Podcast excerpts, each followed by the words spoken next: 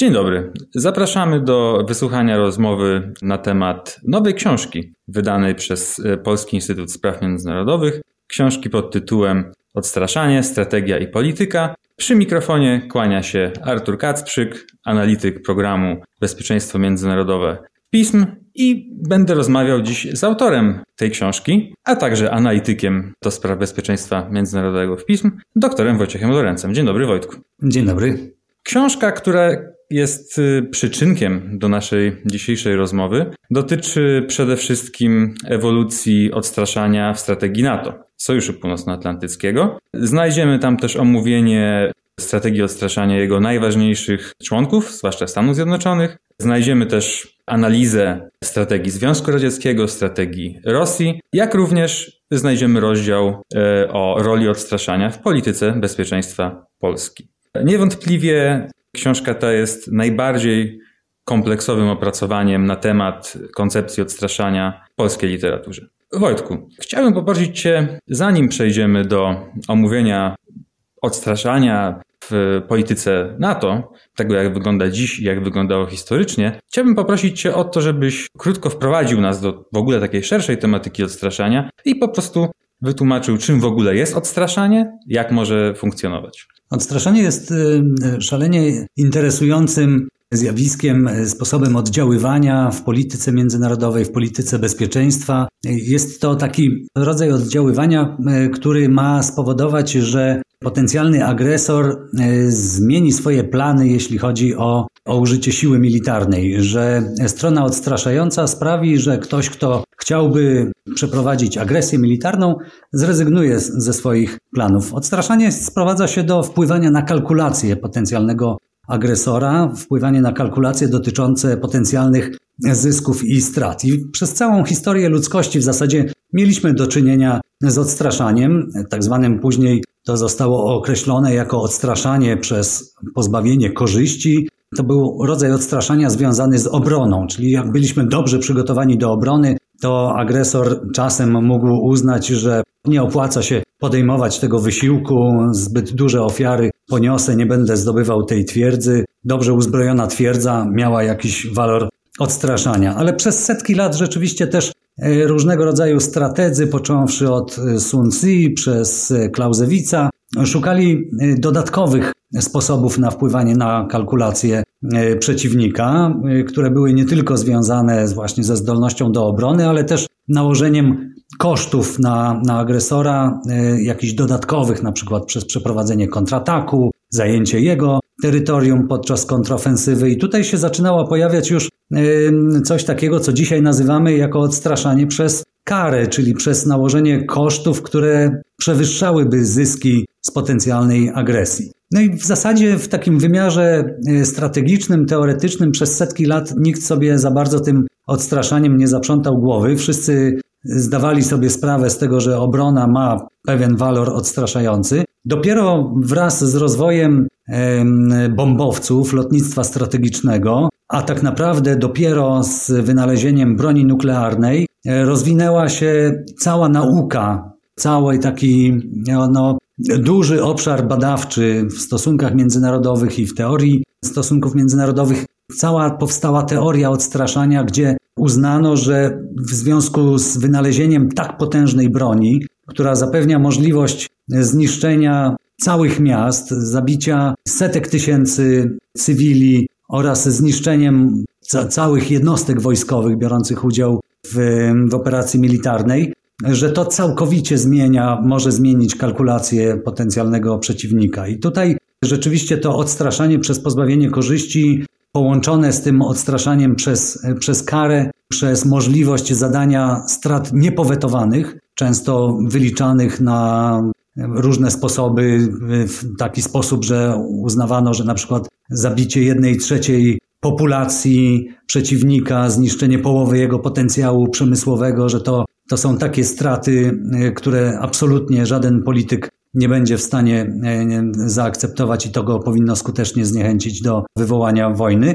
To spowodowało, że dzisiaj mamy ogromny dorobek taki teoretyczny, który jest wykorzystywany też w praktyce politycznej. I to jest właśnie szalenie interesujące, że to odstraszanie stało się w wielu obszarach podstawą do, do prowadzenia polityki wielu państw, a także sojuszy, w tym Sojuszu Północnoatlantyckiego, czyli NATO. No właśnie, i przejdźmy teraz do tego, jak y, wyglądała ta strategia odstraszania NATO podczas zimnej wojny. Bo wydaje się, że NATO odstraszało skutecznie, no, przynajmniej odstraszanie nie zawiodło, tak? Nie doszło do III wojny światowej, oczywiście. I że to odstraszanie nie zawiodło NATO, mimo tego, że po pierwsze, wydaje się, że przez całość, a przynajmniej większość zimnej wojny NATO nie było w stanie obronić się konwencjonalnie przed przeważającymi liczebnie siłami Związku Radzieckiego i ogólnie e, bloku wschodniego. A przynajmniej taka zdolność była po stronie NATO, no była poddawana wątpliwość, czy, czy byłoby w stanie się obronić. Polegało na groźbie użycia także jako pierwsza strona broni jądrowej. I tutaj pojawiał się drugi problem. No, takie użycie broni jądrowej spotkałoby się z dewastującym odwetem ze strony Związku Radzieckiego, który z czasem też rozwinął swój potencjał nuklearny. I pomimo tych dwóch problemów odstraszanie nie zawiodło. Jak sojusz podszedł do tych problemów, jakie próbował rozwiązać? Ja rzeczywiście w książce dosyć dokładnie analizuję strategię zimnowojenną zarówno Związku Radzieckiego, na ile opierała się na groźbie użycia siły i na ile realne były te plany ofensywne wobec, wobec Zachodu, czy ZSRR był zainteresowany wywołaniem wojny z Zachodem. I to, od czego zacząłeś pytanie, czyli tą przewagę konwencjonalną Związku Radzieckiego, która rzeczywiście była znacząca i w bardzo poważnym stopniu wpływała na percepcję zagrożeń państw zachodnich, które musiały się odbudowywać po zniszczeniach II wojny światowej.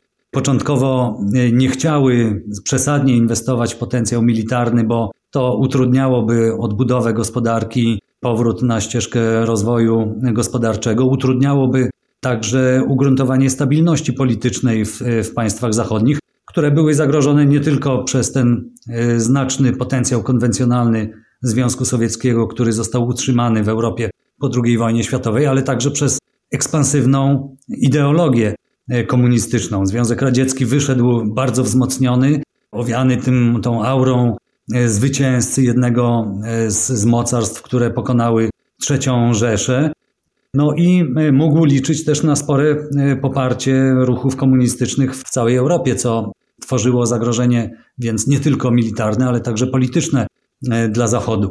I tutaj faktycznie Zachód musiał znaleźć wyjście z tej sytuacji, jak z jednej strony nie rozpocząć takiego niszczącego dla zachodnich demokracji wyścigu zbrojeń konwencjonalnych, więc y, w uproszczeniu można powiedzieć, że faktycznie ta strategia sojuszu, strategia odstraszania i obrony opierała się w znacznym stopniu na groźbie użycia broni nuklearnej, na manipulowaniu ryzykiem użycia tej, tej broni. To, to trzeba podkreślić, że tym wyjściem z takiego paradoksu związanego z, z tym, że użycie tej broni też nie było w interesie Zachodu, bo mogło to oznaczać samobójstwo. Użycie tej broni początkowo prawdopodobnie musiałoby się E, odbywać na terytorium państwa, którego bronimy, czyli przede wszystkim zachodnich e, Niemiec. Już pierwsze ćwiczenia pokazywały, że w sytuacji operacji obronnej, w której użyto by taktycznej broni jądrowej, zginęłyby miliony Niemców. To no, tym wyjściem z tego, z tego paradoksu było takie sygnalizowanie, że łączymy odstraszanie i zdolność do obrony konwencjonalnej z ryzykiem użycia broni nuklearnej, czyli tyle, ile jesteśmy w stanie się bronić konwencjonalnie, to będziemy się bronić, żeby zyskać czas i poznać intencje potencjalnego agresora, czy mamy do czynienia z operacją na, na pełną skalę, ale im większa byłaby ta operacja, im dłużej ona by trwała, tym większe byłoby ryzyko, że sięgniemy po, po broń nuklearną. Włącznie dodajmy, z, oprócz tego, o czym mówiłeś, czyli, czyli z użyciem broni jądrowej na teatrze działań bezpośrednio, prawda, na polu walki, no, ta strategia NATO obejmowała też opcję użycia broni jądrowej przeciwko terytorium e, radzieckiemu. Do pewnego momentu tak, chociaż e, w latach już tak pod koniec lat 50. i w latach 60. E, większość europejskich sojuszników no, bardzo się zaczynała tego obawiać. Znaczy państwa europejskie nie chciały, żeby sojusz był wykorzystywany do do manipulowania ryzykiem ataku z ich terytorium wobec terytorium Związku Radzieckiego. I odkąd po kryzysie kubańskim Amerykanie wycofali rakiety z Turcji i, i, i rakiety z, z Włoch, to, to rzeczywiście mieliśmy do czynienia z taką sytuacją, że europejscy sojusznicy tą broń taktyczną którą Amerykanie rozmieszczali w Europie, no, chcieli wykorzystać przede wszystkim do, do niszczenia sił przeciwnika. Natomiast manipulowano też tym ryzykiem, że jeżeli zostanie w ogóle przekroczony próg nuklearny, jeżeli zostanie użyta broń nuklearna, no to może pojawić się bardzo szybko prawdopodobieństwo, że Amerykanie, obawiając się ataku ze strony Związku Radzieckiego na swoje terytorium, podejmą decyzję o ataku wyprzedzającym. I to był taki, to, to się wydaje skomplikowane, ale to było szalenie istotny element tego odstraszania w czasie zimnej wojny. Ta zdolność y, od czasu do czasu sygnalizowana przez Amerykanów prowadzenia dużego konfliktu nuklearnego, z różnym doborem celów, przede wszystkim wojskowych, mm, miała sygnalizować Związkowi Radzieckiemu, że y, Stany Zjednoczone dysponują przewagą eskalacyjną na każdym możliwym poziomie eskalacji konfliktu, począwszy od y, konfliktu konwencjonalnego, gdzie Związek Radziecki miał nie być zdolny osiągnąć swoich celów, Gdyby to niestety się nie udało e, powstrzymać tej ofensywy konwencjonalnej, no to właśnie tak jak mówiliśmy, mogła być użyta taktyczna broń nuklearna, a to radykalnie zwiększało ryzyko, że Związek Radziecki byłby pod presją użyć swojej broni nuklearnej, a to z kolei stawiało pod presją, e, mogło postawić pod presją Stany Zjednoczone, które e, mogłyby się zdecydować na wyprzedzające uderzenie nuklearne na terytorium Związku Radzieckiego. I chociaż Związek Radziecki, ścigając się ze Stanami Zjednoczonymi, jeśli chodzi o ilość e, tej strategicznej broni nuklearnej, a więc głowic przenoszonych przez bombowce, ale przede wszystkim rakiet balistycznych uzbrojonych w głowice nuklearne, cały czas starał się demonstrować, że ma więcej, że te głowice są silniejsze, e, o, o wiele większej mocy niż, niż te, którymi dysponują Stany Zjednoczone. Stany Zjednoczone sygnalizowały, że My może nie, nie ścigamy się teraz ilościowo, ale jakość, precyzja e, tego, co mamy, umożliwia rzeczywiście nam punktowe uderzenia, e, umożliwia nam przeprowadzenie ataków o różnej sile. I to był dla Związku Radzieckiego to była wizja przerażająca. Przywódcy sowieccy rzeczywiście obawiali się, że Stany Zjednoczone przygotowują się do prowadzenia wojny, wojny nuklearnej i z moich badań wynika, że nie było to tylko wykorzystywane na użytek propagandy, tylko że rzeczywiście oni tego, tego konfliktu nuklearnego się bali. Dziękuję. Natomiast nieco uzupełniająco, o czym też piszesz w książce. To tutaj dodajmy, że y, ta zdolność do tego uderzenia amerykańskiego przeciwko siłom nuklearnym radzieckim, no bynajmniej nie dawała Amerykanom, no nie czuli się bynajmniej komfortowej sytuacji, mimo iż mogliby dokonywać takich uderzeń przez całą praktycznie zimną wojnę lepiej niż e, Związek Radziecki przeciwko Amerykanom. No bo już w którymś momencie ten arsenał radziecki stał się na tyle duży, że w najlepszym wypadku Amerykanie, nawet uderzając pierwsi na pełną skalę, no mogliby pewnie zminimalizować straty po swojej stronie, jakie by wyniknęły z odwetu dokonanego przez te siły radzieckie, które by przetrwały, no ale to i tak to byłyby to straty po stronie amerykańskiej liczące dziesiątki milionów obywateli najprawdopodobniej, prawda? Więc no też to z jednej strony opcja ta powodowała e, faktycznie obawy Związku Radzieckiego i przyczyniała się do odstraszania. Z drugiej strony, no Amerykanie też nie czuli się z nią w pełni e, komfortowo, no zresztą mieli też inne opcje użycia broni jądrowej, no mogli też e, odpowiedzieć masowo na, na atak radziecki już po, po fakcie, prawda, lub nawet w trakcie trwania tego ataku, kiedy, kiedy rakiety jeszcze leciały. Ale wydaje mi się, że ciekawą kwestią, którą, o której piszesz e, w swojej książce, jest obecność i w amerykańskiej e, strategii nuklearnej i strategii nuklearnej sojuszu takiego koncepcji ograniczonego użycia broni jądrowej, takiego stopniowalnego przeciwko ograniczonej liczbie celów, przeciwko celom na przykład początkowo na terytorium Układu Warszawskiego, ale nie przeciwko terytorium radzieckiemu, a dopiero w, w dalszej kolejności przeciwko ZSRR. No, w każdym razie chodzi o koncepcję takich ograniczonych uderzeń, prawda, które miały pokazywać, że USA i NATO są gotowe eskalować ten konflikt, jeżeli będą do tego zmuszone, że ta eskalacja może się wymknąć spod kontroli w którymś momencie i doprowadzić do totalnego konfliktu, no ale jednocześnie były to uderzenia, które miały tak automatycznie od razu tego wielkiego konfliktu totalnego nie, nie prowokować, a raczej przekonać Związek Radziecki, żeby nie kontynuował agresji. Tak prawda? jest. I to e, rzeczywiście te sygnały e, były wysyłane e, w stronę Związku Radzieckiego.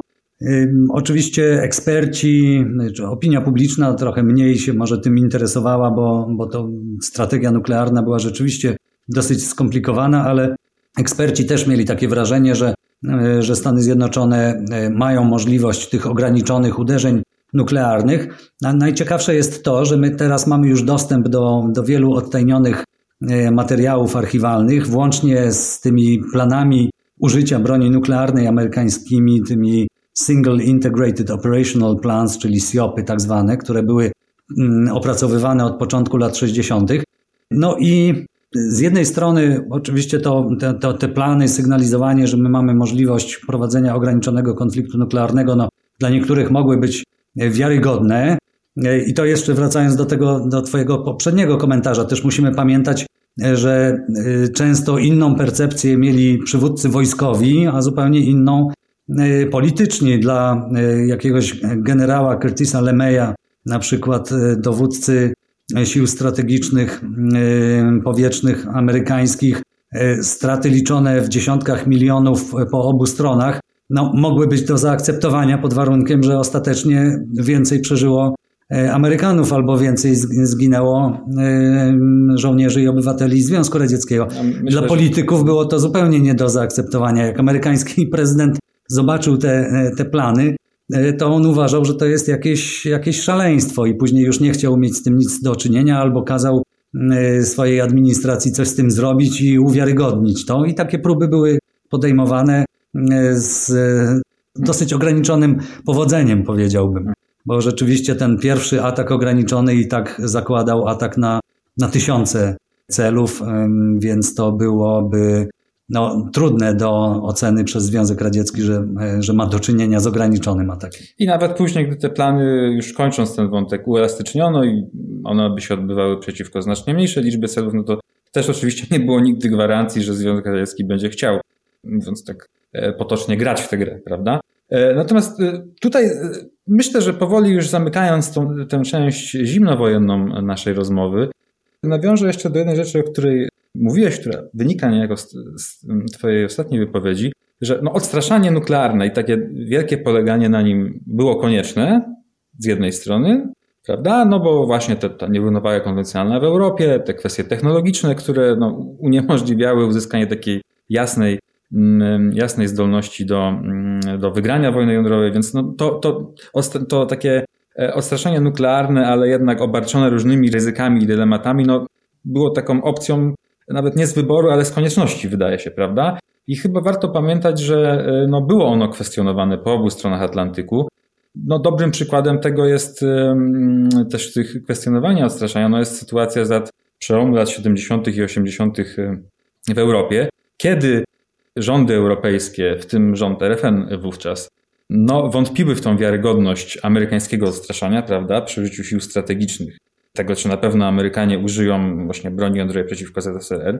Pojawił się pomysł wykonany później przez NATO rozmieszczenia jednak e, z powrotem w Europie kolejnej generacji systemów średniego zasięgu, które właśnie z terytorium europejskiego mogłyby razić zachodnią część ZSRR i, i to miało uwiarygadniać odstraszanie, prawda? No ale spotkało się to z, też z dużymi protestami społecznymi e, w wielu państwach europejskich, antynuklearnymi, z też e, sprzeciwem części elit politycznych. Więc tak myślę, że warto pamiętać, że ani funkcjonowanie, e, co świetnie opisujesz w swojej książce, że ani funkcjonowanie NATO, ani funkcjonowanie odstraszania i formułowanie w ogóle polityki odstraszania podczas zimnej wojny, no to nie były takie łatwe, proste rzeczy, które nie kreowały żadnych napięć czy problemów. Oczywiście, że nie. Właśnie ten wymiar polityczny jest szalenie istotny, bo często niektórzy eksperci czy y, badacze skupiają się tylko na jakimś wąskim e, wycinku, bo to jest łatwiej analizować, na przykład na, na strategii militarnej, ale dopiero jak się to rzuci na ten szerszy kontekst polityczny, jak się zobaczy, jak z kolei ta strategia natowska, strategia nuklearnego odstraszania, jaką dawała, jakie możliwości ataków propagandowych przez Związek Radziecki czy cały blok wschodni e, przeciwko NATO i Stanom Zjednoczonym, no to właśnie z tym mieliśmy do czynienia e, pod koniec lat 70., na początku 80., kiedy, e, kiedy dochodziło do tych gigantycznych, liczonych w setkach tysięcy czy milionach demonstracji antywojennych, anty, antynuklearnych. Te, te nastroje antywojenne, które bardzo poważnie utrudniały państwom zachodnim prowadzenie polityki obronnej, polityki bezpieczeństwa, Związek Radziecki bardzo umiejętnie dzięki tej strategii odstraszania nuklearnego sojuszu mógł tym manipulować. I dlatego no, musimy popatrzeć, jak już doszło do całkowitej zmiany w systemie międzynarodowym wraz z rozpadem Związku Radzieckiego i, i zakończeniem wojny, zimnej wojny, no to dopiero wtedy sobie uświadomimy, e, dlaczego NATO w tak poważnym stopniu zaczęło zmieniać swoją strategię. I dokładnie o to chciałem Cię zapytać, e, zanim przejdziemy do tej części no, współczesnej i, i zanim porozmawiamy o tym, jak dzisiaj funkcjonuje odstraszanie w NATO, jak wygląda strategia odstraszania sojusznicza, no chciałem Cię właśnie zapytać, jak to odstraszanie zmieniło się po zakończeniu zimnej wojny? No, bo to właśnie refleksja na ten temat będzie ważnym punktem wyjścia do tego, jak z kolei NATO powróciło do odstraszania po 2014 roku i e, rosyjskiej inwazji na Ukrainę. No, tak jak powiedziałem, do, do, zakończenie zimnej wojny, rozpad Związku Radzieckiego, zjednoczenie Niemiec e, spowodowało, że w zasadzie te e, zarzewie konfliktu zimnowojennego zniknęło. E, potencjał Związku Radzieckiego i późniejszej Rosji zaczął się odsuwać od, od granic państw zachodnich. Powstała grupa nowych, demokratycznych, suwerennych państw między e, dawnymi państwami NATO a, e, a Rosją, która utraciła tą swoją strefę, strefę buforową. NATO, a w zasadzie Stany Zjednoczone, główne mocarstwo, które no, zdecydowało się udzielić gwarancji bezpieczeństwa europejskim sojusznikom i wspierała, wspierały te, te gwarancje swoim potencjałem gigantycznym, politycznym, gospodarczym i, i militarnym, no, uznały, że najlepszym sposobem na zbudowanie nowego systemu bezpieczeństwa pozimnowojennego będzie jednak zachowanie Sojuszu Północnoatlantyckiego, ale on musi przejść bardzo poważną transformację. E, e, po pierwsze, musi być szerszym, e, jakby elementem szerszego systemu, musi się uzupełniać z integracją europejską, z takimi mechanizmami e, wielostronnej dyplomacji, które próbowano realizować, wzmacniać za pomocą Organizacji Bezpieczeństwa i Współpracy w Europie.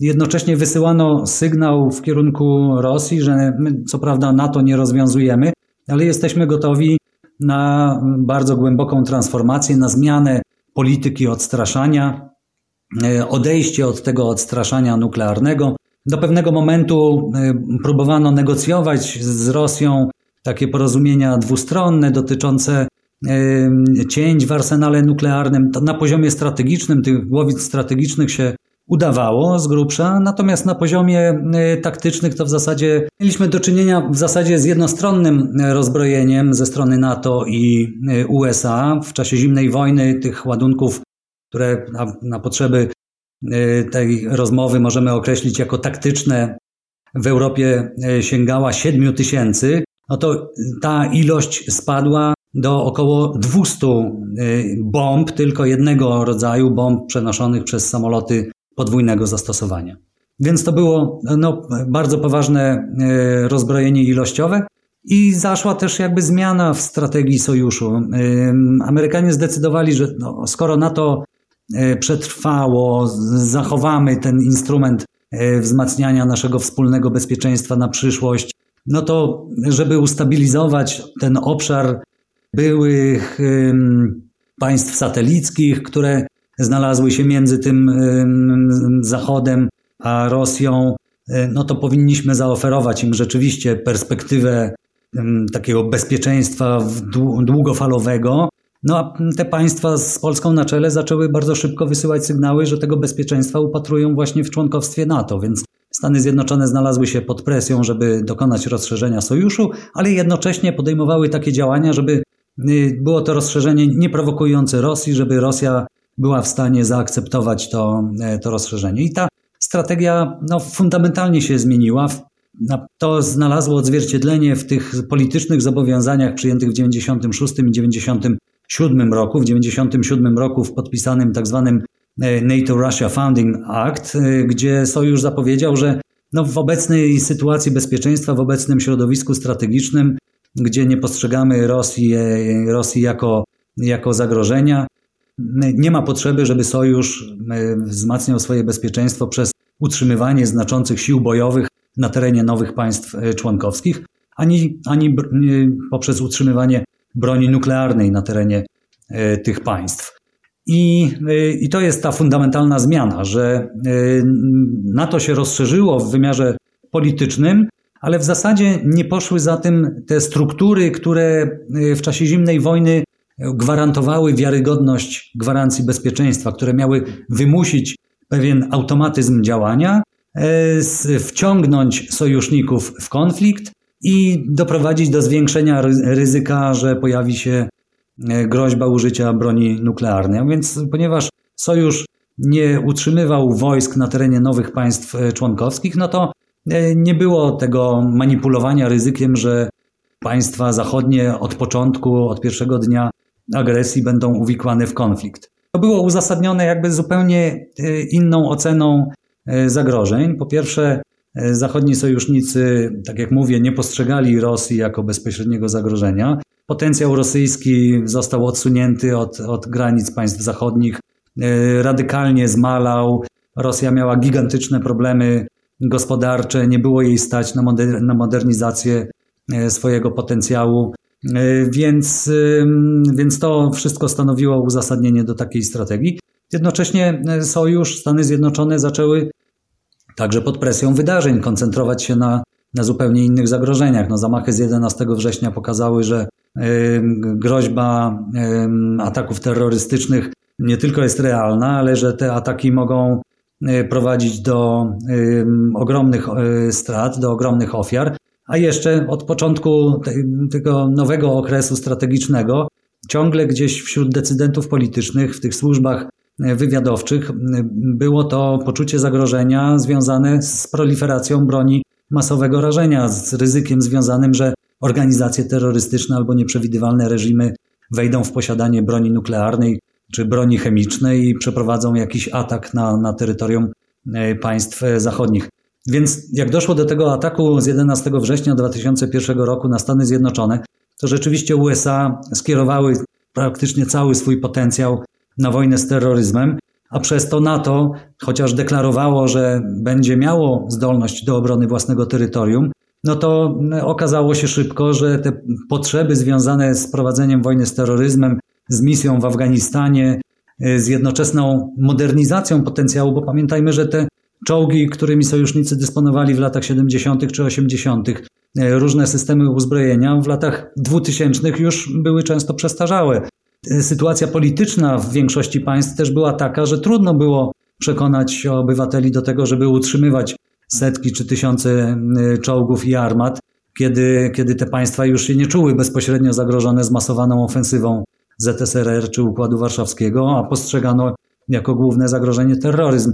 E, więc e, do tego okresu, o którym wspomniałeś, do czasu aneksji Krymu, faktycznie NATO w poziomie deklaratywnym e, miało i zapowiadało, że będzie prowadzić politykę opartą na zdolności do obrony własnego terytorium i odstraszania tych przeciwników, którzy by chcieli to terytorium zaatakować, ale w wymiarze praktycznym ani nie traktowało Rosji jako, jako takie zagrożenie, takiego przeciwnika, ani państwa członkowskie nie miały y, potencjału i zdolności do tego, żeby zapewnić możliwość zarówno prowadzenia dużych misji y, reagowania kryzysowego, misji ekspedycyjnych i, i do obrony terytorium sojuszu.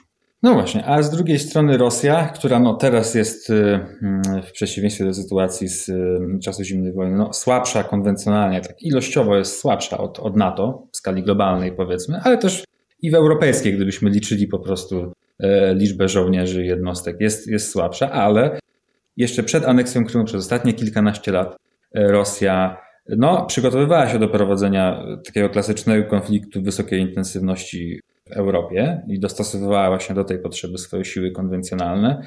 No i akurat, o ile w tej skali takiej kontynentalnej i globalnej Rosja jest konwencjonalnie słabsza dziś od NATO, no to przy granicach sojuszu dysponuje przewagą, prawda? Mogłaby spróbować e, szybko zająć jakieś, jakieś części natowskiego terytorium, hipotetycznie, prawda? Jeżeli mówimy o jakichś hipotetycznych scenariuszach e, konfliktu.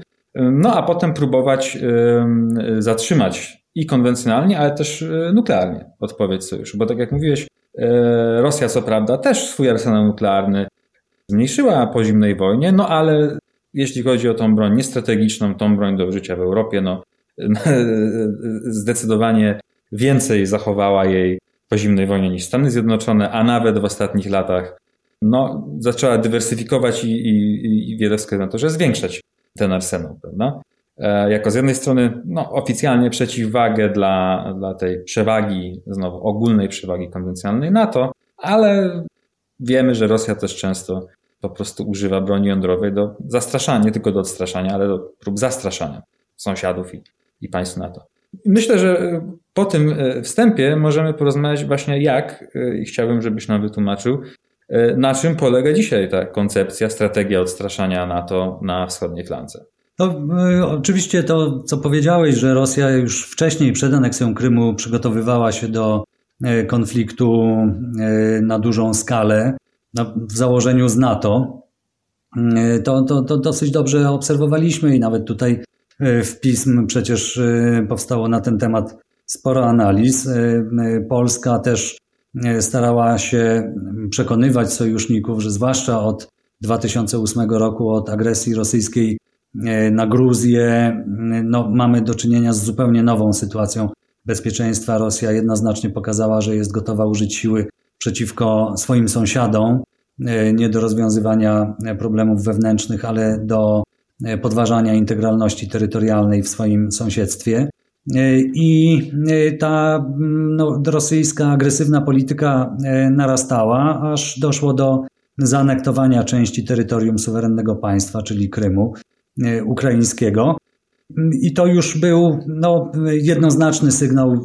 Część państw i ekspertów, którzy do tej pory nie chcieli dostrzegać trendów w rosyjskiej polityce, no, musieli być skonfrontowani z tą e, smutną rzeczywistością, że, że jednak strategiczne, polityczne cele Rosji zakładają e, w pewnym stopniu odbudowę strefy wpływów na obszarze poradzieckim oraz uzyskanie takiej militarnej strefy buforowej, która obejmowałaby e, dawne państwa satelickie. Może, czyli... i, I, można tu wtrącić, że te, te postulaty, które, postulaty, żądania, które Rosja ostatnio wysuwa wobec NATO i USA, no to po prostu no już, to już bardzo dobitnie spisane, pokazują, o co spisane chodzi, na papierze i przedstawione w formie, tak jest, w formie propozycji traktatów, więc jak ktoś jeszcze kilkanaście miesięcy temu nawet mógł mówić, że to jest jakaś analiza E, analityków e, pism, że Rosja dąży do odzyskania strefy e, buforowej oraz strefy wpływów, ale są również inne uprawniane analizy, no to w tej chwili tego już wypierać się, wypierać się nie da.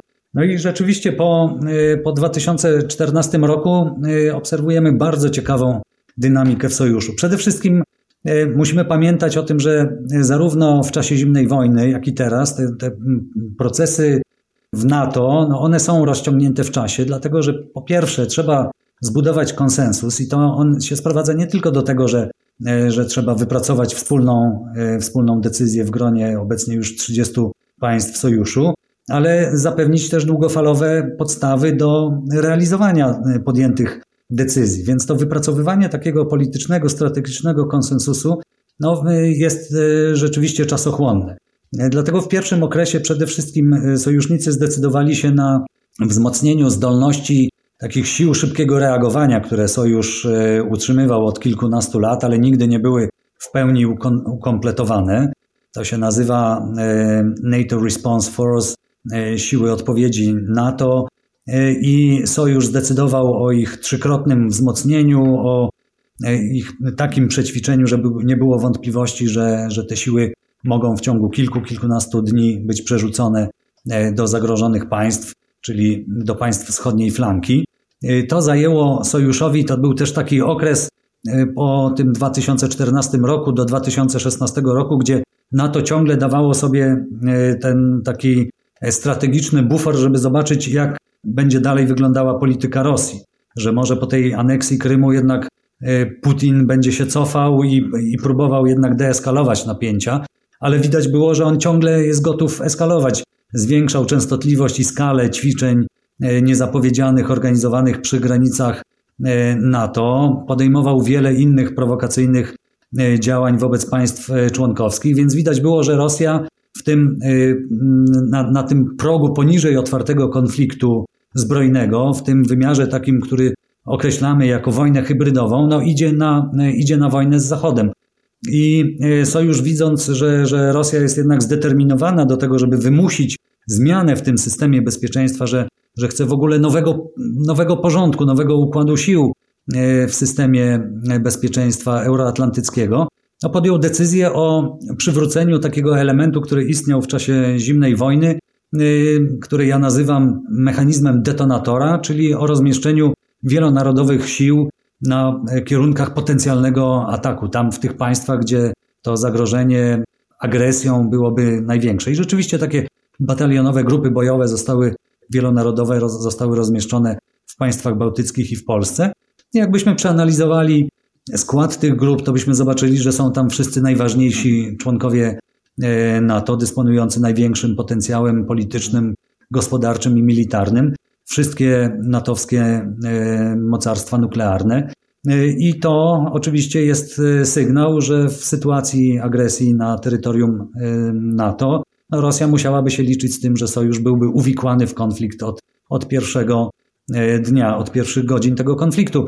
Natomiast fundamentalna różnica z obecną strategią i tą strategią zimnowojenną jest to, że te siły, ta wysunięta obecność nie jest uzbrojona w broń nuklearną. Sojusz nie manipuluje, tak jak w czasie zimnej wojny, tym ryzykiem użycia broni nuklearnej na, na wczesnym etapie. Nie, nie pokazuje, że gdyby te batalionowe grupy bojowe nie były zdolne się e, obronić i sojusz nie byłby w stanie odzyskać kontroli nad, nad swoim własnym terytorium siłami konwencjonalnymi, że byłby pod presją użycia broni nuklearnej. Więc to z jednej strony widzimy powrót do tych mechanizmów, które były wypracowane i z powodzeniem stosowane w czasie zimnej wojny, a z drugiej strony widzimy e, no, dużą ostrożność, jeśli chodzi o tą strategię nuklearną, między innymi właśnie z tego powodu, o którym wspomnieliśmy, że, że ta strategia w czasie zimnej wojny była obarczona po pierwsze bardzo dużym ryzykiem, a po drugie no, była szalenie niepopularna w państwach członkowskich e, NATO i dawała mm, Związkowi Radzieckiemu wtedy ogromne możliwości wywoływania podziałów metodami propagandowymi.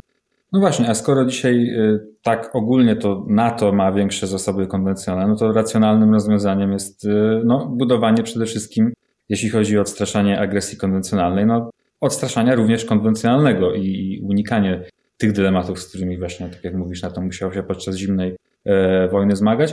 No tutaj nawiasem mówiąc, można by jeszcze dodać, prawda, jeśli chodzi o ten, e, czy raczej podkreślić, jeśli chodzi o ten element nuklearny e, strategii NATO, że no przede wszystkim dzisiaj e, rolą broni jądrowej dla NATO jest odstraszanie ataku nuklearnego, ale też i jeśli chodzi o politykę NATO, i jeśli chodzi o, o politykę państw nuklearnych będących członkami NATO, Stanów Zjednoczonych, Francji i Wielkiej Brytanii, no furtka do w różnym stopniu, ale furtka do pierwszego użycia broni jądrowej no, nie jest całkiem zamknięta. Natomiast co zresztą może się przyczyniać, prawda, do odstraszania, nie będąc jego centralnym elementem, no ale jednak gdzieś sygnalizując, że może w bardzo nielicznych sytuacjach skrajnych, ale może na przykład Stany Zjednoczone byłyby w ekstremalnych okolicznościach skłonne do, do rozważenia w ogóle użycia broni jądrowej jako pierwsze, co obok, w dodatku do tego odstraszania konwencjonalnego, E, pozwala komplikować kalkulacje przeciwnika, no, w tym przypadku Rosji. No ale właśnie to odstraszanie nuklearne, ta, ta, ta, ta groźba pierwszego życia broni jądrowej, no to tak jak powiedziałeś, no, nie jest tak ani tak uwypuklona, nie jest tak, nie jest tak e, podnoszona, gdzieś w tle powiedzmy Ale nie jest też wykluczona i to jest, jest szalenie istotne, tak. dlatego że z odstraszaniem to jest e, tak, że możemy mieć wiele problemów, wątpliwości, ale ostatecznie najistotniejsze to jest to, co przeciwnik e, myśli o tym, jak wiarygodne są te e, groźby. I dopóki e, nie ma takiej zamkniętej ścieżki do tego pierwszego użycia broni nuklearnej, no to Rosja musi się liczyć z tym, nawet jeżeli my, jako eksperci, czy opinia publiczna, czy decydent polityczny w Polsce czy w Niemczech, może mieć co do tego bardzo poważne wątpliwości, czy rzeczywiście doszłoby do takiej sytuacji, że Sojusz czy Stany Zjednoczone mogłyby rozważać użycie tej broni nuklearnej jako pierwsze, to, to Rosja może kalkulować, że agresja na terytorium Sojuszu y, i niemożliwość odzyskania przez NATO integralności terytorialnej, przywrócenia tego status quo ante siłami konwencjonalnymi, a może jednak się okazać, że tak radykalnie wpływa na żywotne interesy państw członkowskich, prowadzi do tak radykalnej zmiany systemu, całego systemu bezpieczeństwa z perspektywy państw zachodnich, że nagle by się okazało, że to, co w tej chwili się wydaje całkowicie nieprawdopodobne, nierealistyczne w sytuacji tego konfliktu, nagle by się okazało, że, że staje być, zaczyna być realistyczne. Więc to jest właśnie ten, ten obszar odstraszania, o którym zawsze powinniśmy myśleć, że my, my pracujemy nad tym, żeby ono było jak najbardziej wiarygodne mhm. E, i żeby także wzmacniało poczucie bezpieczeństwa, bo odstraszanie się bezpośrednio e, wiąże z, nie, nie, tylko z wpływaniem na kalkulację potencjalnego agresora, ale także wpływa właśnie na percepcję tych państw, e, które korzystają z dobrodziejstw wspólnej kolektywnej obrony w ramach NATO, więc to zapewnia takie, takie no, no, powinno wzmacniać poczucie bezpieczeństwa, też musi być, być wiarygodne. No ale, y, ale ostatecznie najważniejsze to jest to, co, co myśli ten mhm. potencjalny agresor. Y, jak mówiłeś, odstraszanie to manipulowanie ryzykiem. Można dodać, że oby jak najwięcej tego ryzyka było dla agresora, jak najmniej ryzyka po naszej stronie. Wojtku, mam jeszcze dwa pytania. To drugie będzie dotyczyło Polski i odstraszania, ale najpierw jakie widzisz wyzwania jeśli chodzi właśnie o utrzymanie czy, czy, czy rozwinięcie dalsze tej strategii odstraszania NATO, czy konwencjonalnej, czy nuklearnej. Bardzo Jak... krótko. Y, widzę dwa fundamentalne wyzwania. Pierwsze to jest takie, że oprócz tych elementów odstraszania, które zostały mm, tutaj rozmieszczone na wschodniej flance, mamy także całą koncepcję dalszych sił wzmocnienia. I to jest szalenie istotny element, bo ta strategia NATO opiera się co prawda na wysuniętej obronie, ale w bardzo małym stopniu.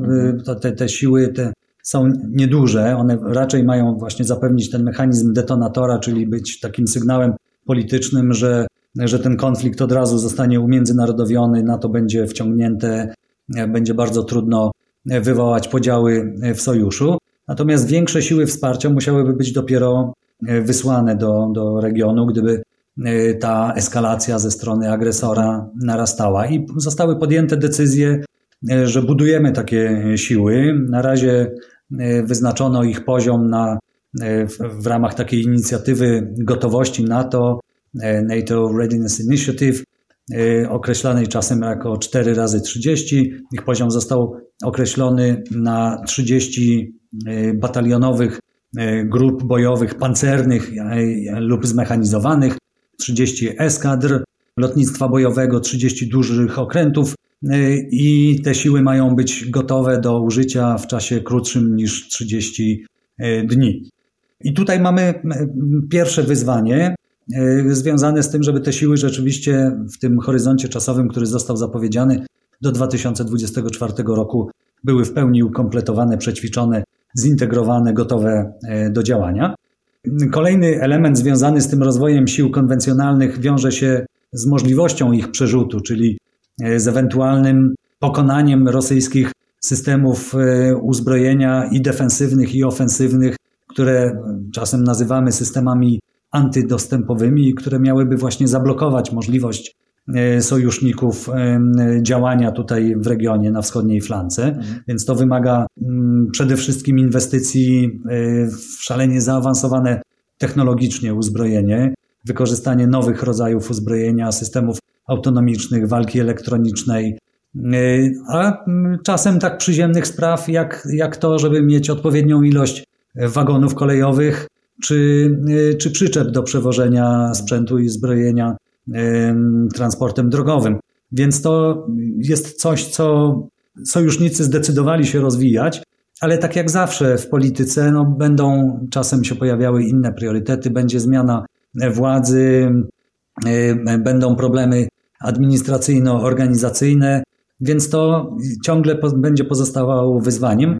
I to nie tylko w tej krótkiej perspektywie do 2024 roku, ale też w długiej perspektywie, bo NATO już przyjęło pierwszą od ponad 50 lat strategię militarną, a także taką strategię, która ma umożliwić rozwój potencjału, dostosowywanie potencjału do tych wymagań e, nowoczesnego konfliktu tak jak będziemy mm, sobie go wyobrażać za 10 czy 15 lat. Więc tak naprawdę w tej nowej sytuacji strategicznej, w jaką wchodzimy i którą mam nadzieję będzie odzwierciedlała nowa strategia sojuszu, która zostanie przyjęta w połowie tego roku, no, no to NATO będzie musiało ciągle dostosowywać ten swój potencjał konwencjonalny do, do groźby konfliktu z Rosją.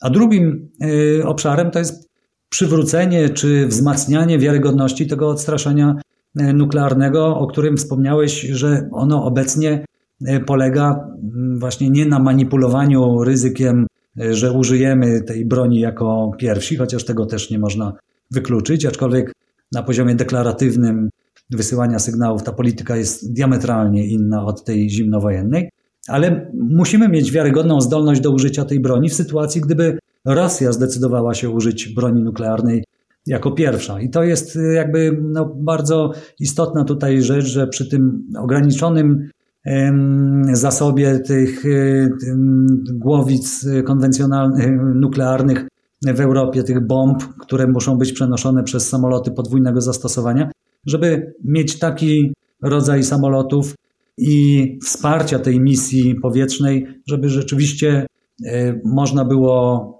e, sygnalizować, że gdyby zaistniała taka skrajna sytuacja, że Rosja by się zdecydowała na użycie broni e, nuklearnej, że sojusz miałby techniczne, militarne możliwości do odpowiedzi proporcjonalnej na, na to rosyjskie użycie broni nuklearnej. Dlatego, że no, to posiadanie tych technicznych możliwości jest w ogóle warunkiem, żeby powstała też wola polityczna do, do użycia takiej broni. No i moglibyśmy jeszcze wymienić pewnie kilka z innych wyzwań, które wymieniasz e, w swojej książce.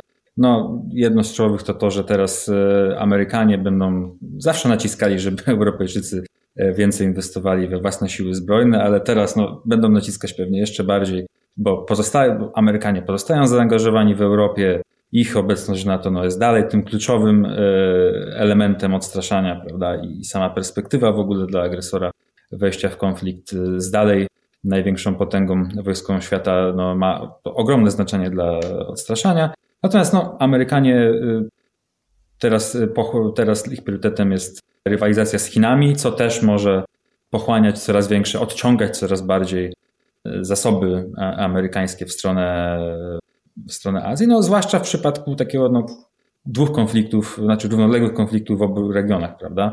W Azji i Europie, chociaż no, zaznaczmy jeszcze raz, że e, póki co Amerykanie w ostatnich latach swoją obecność i zdolność do wsparcia Europy też zwiększyli i próbują gdzieś bilansować między tymi różnymi celami. Tak, oczywiście Ale... ja o tym, o tym sporo piszę i to jest bardzo ważne, już nie, nie będziemy tego wątku e, otwierać, ale zdecydowanie tak. No, mamy do czynienia z tą inną sytuacją strategiczną, y, kiedy Związek Radziecki w czasie zimnej wojny był jednak postrzegany jako to główne zagrożenie i wyzwanie y, dla Stanów Zjednoczonych. Teraz tym wyzwaniem stają się i zagrożeniem w wielu obszarach także Chiny.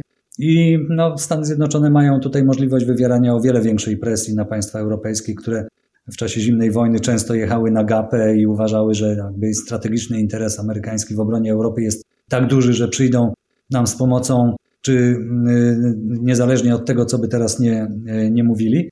No, dzisiaj oczywiście już ta, to, to wygląda inaczej. Ciągle ten strategiczny interes amerykański jest w tym, żeby mhm. Europa była bezpieczna, ale ten podział obowiązków rzeczywiście mm, z perspektywy amerykańskiej powinien być bardziej równomiernie mhm. rozłożony i Europa jest pod ogromną presją, żeby e, rozwijać e, realne zdolności, e, a nie tylko opowiadać, że, że potrzebujemy jakiejś autonomii strategicznej i dlaczego rozpaczać, dlaczego Unia Europejska tym mocarstwem nie jest. Tak, także w przewidywalnej przyszłości wygląda to, że Europa bez pomocy Stanów Zjednoczonych by się nie obroniła, ale Stany Zjednoczone też nie chcą bronić e, same e, Europy bez większego udziału Europejczyków.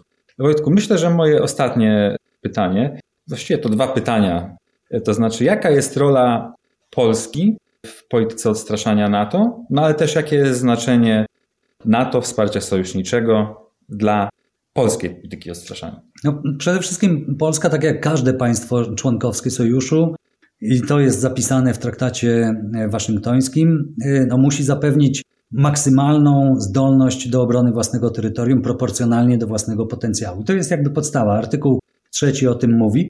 Ale artykuł trzeci mówi też o tym, że zapewniając tą zdolność do obrony własnego terytorium, na tyle, na ile jesteśmy w stanie to, e, to zrobić własnymi siłami, musimy też e, wspierać zdolność do prowadzenia kolektywnej obrony w ramach sojuszu. No to najczęściej, jak wystarczy przeanalizować sobie, jak te konflikty przebiegały, chociażby w czasie II wojny światowej, no nie, nie był ograniczony do, do terytorium jednego państwa. Nawet jak to była jeszcze, jeszcze dosyć ograniczona, ograniczona agresja do, do Europy. I y, w związku z tym, żeby uniemożliwić takiemu z perspektywy polskiej mocarstwu jak Rosja dysponująca bronią nuklearną, możliwością stworzenia zagrożenia z różnych, z różnych kierunków, nie tylko y, ze strony Kaliningradu, Białorusi, ale od strony y, Morza Bałtyckiego, no to przede wszystkim mamy to bezpieczne otoczenie związane z tym, że większość naszych państw sąsiedzkich to są państwa NATO, za wyjątkiem e, Ukrainy, która, no miejmy nadzieję, że e, będzie skutecznie dalej się e, opierała rosyjskiej presji i, i nie zostanie podporządkowana Rosji. Albo ryzyko jest mniejsze, że przez ich terytorium może dojść do groźby ataku na, na terytorium Polski. I Polska musi przede wszystkim budować te relacje polityczne z państwami sojuszniczymi w taki sposób, żeby pokazywać, że wzmacnia maksymalnie e, to swoje własne bezpieczeństwo, ale jest gotowa też kontrybuować, wzmacniać bezpieczeństwo tych sojuszników, którzy się e, czują zagrożeni.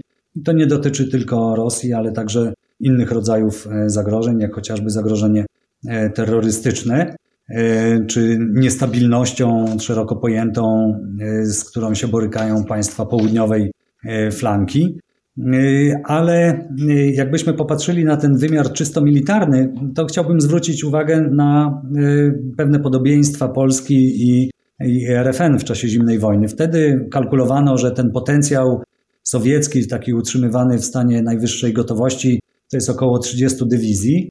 I RFN wtedy zdecydował się zbudować 12 dywizji wojsk lądowych do tego, żeby wnieść swój poważny wkład właśnie w zdolność do obrony własnego terytorium, a przez to także e, sojuszu.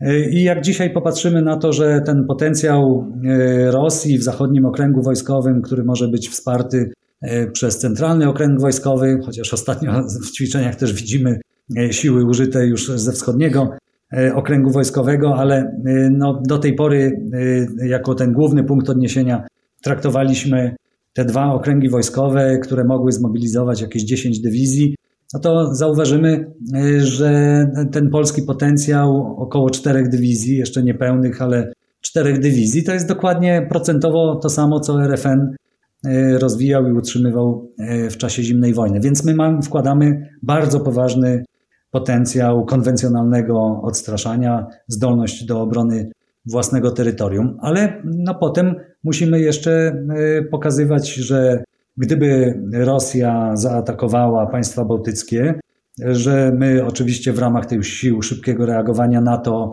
wnosimy proporcjonalnie do swojego potencjału także wkład w te siły szybkiego reagowania, że proporcjonalnie do swojego potencjału wnosimy wkład w te siły wsparcia, w tą inicjatywę 4 razy 30 i że oczywiście rozwijamy niezbędną infrastrukturę, która jest konieczna do tego, żeby przyjąć te wszystkie siły wsparcia, gdyby trzeba było dużą misję kolektywnej obrony prowadzić na terytorium Polski i z terytorium Polski. Więc to są te, te, te, główne, te główne działania i rzeczywiście w tym, w tym wymiarze Polska konsekwentnie taką politykę prowadzi, gdzie sygnalizuje, że nie tylko koncentrujemy się na, na zdolności do samoobrony, ale wspieramy też inne misje sojuszu i jak ktoś by chciał to przeanalizować, ja to też tam w książce pokazuję, prawie zawsze z, z naprawdę z y, kilkoma tylko wyjątkami y, angażujemy się w tę misję proporcjonalnie do swojego potencjału. To jeszcze szybko poproszę Cię o odpowiedź na tą ostatnią część mojego pytania, czyli rola NATO w naszej polityce odstraszania, czyli dlaczego NATO jest nam potrzebne, jest dla nas niezbędne. Dlatego, że już chociażby teraz przy tej eskalacji y, konfliktu zaangażowania Rosji na Ukrainie i grożenia przez Rosję dużą wojną, użyciem siły militarnej na dużą skalę przeciwko Ukrainie. Już teraz widać, jak szalenie ważne jest to sygnalizowanie strategiczne, że tutaj mamy do czynienia z rosyjskimi celami strategicznymi, które mają doprowadzić, tak jak mówiliśmy na początku, nie tylko do wymuszenia strefy wpływów na obszarze postsowieckim, ale także strefy buforowej na obszarze, e, który obejmuje Polskę, strefy buforowej, czyli takiego strefy o ograniczonej zdolności NATO e, do działania, a więc strefy, gdzie jeżeli byłaby ograniczona zdolność NATO do działania, do wysłania wsparcia, jakaś możliwość poddawania w wątpliwość wiarygodności gwarancji amerykańskiej, gwarancji bezpieczeństwa, Rosja miałaby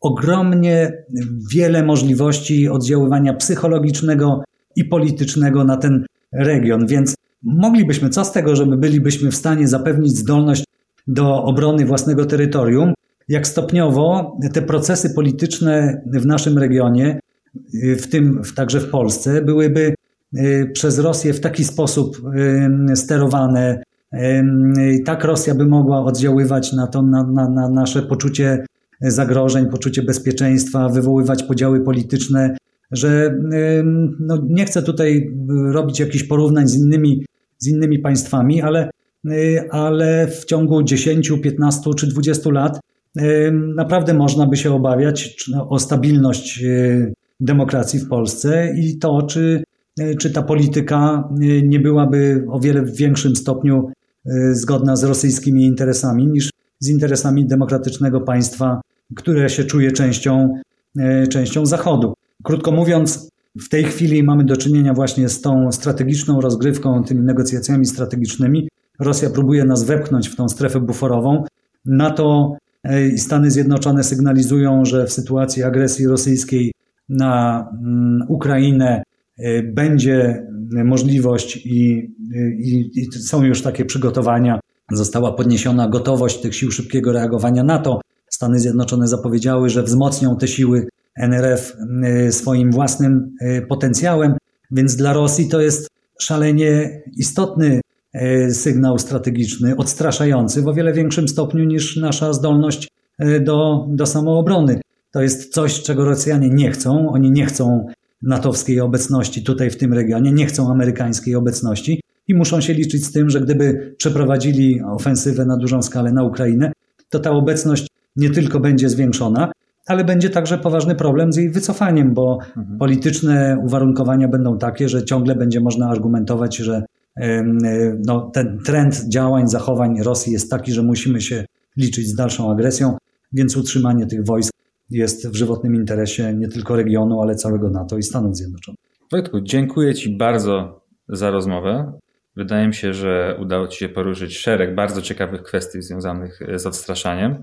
Jeszcze więcej na temat odstraszania możecie Państwo przeczytać w książce Odstraszanie, strategia i polityka. E, więcej na temat samej książki znajdziecie Państwo na stronie e, www.pism.pl.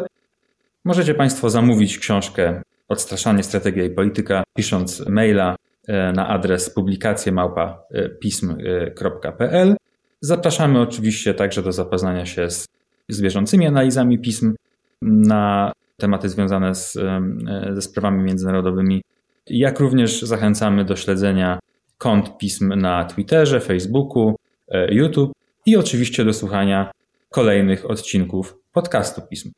Dziś dziękujemy za uwagę i do usłyszenia. Dziękuję bardzo. Do usłyszenia.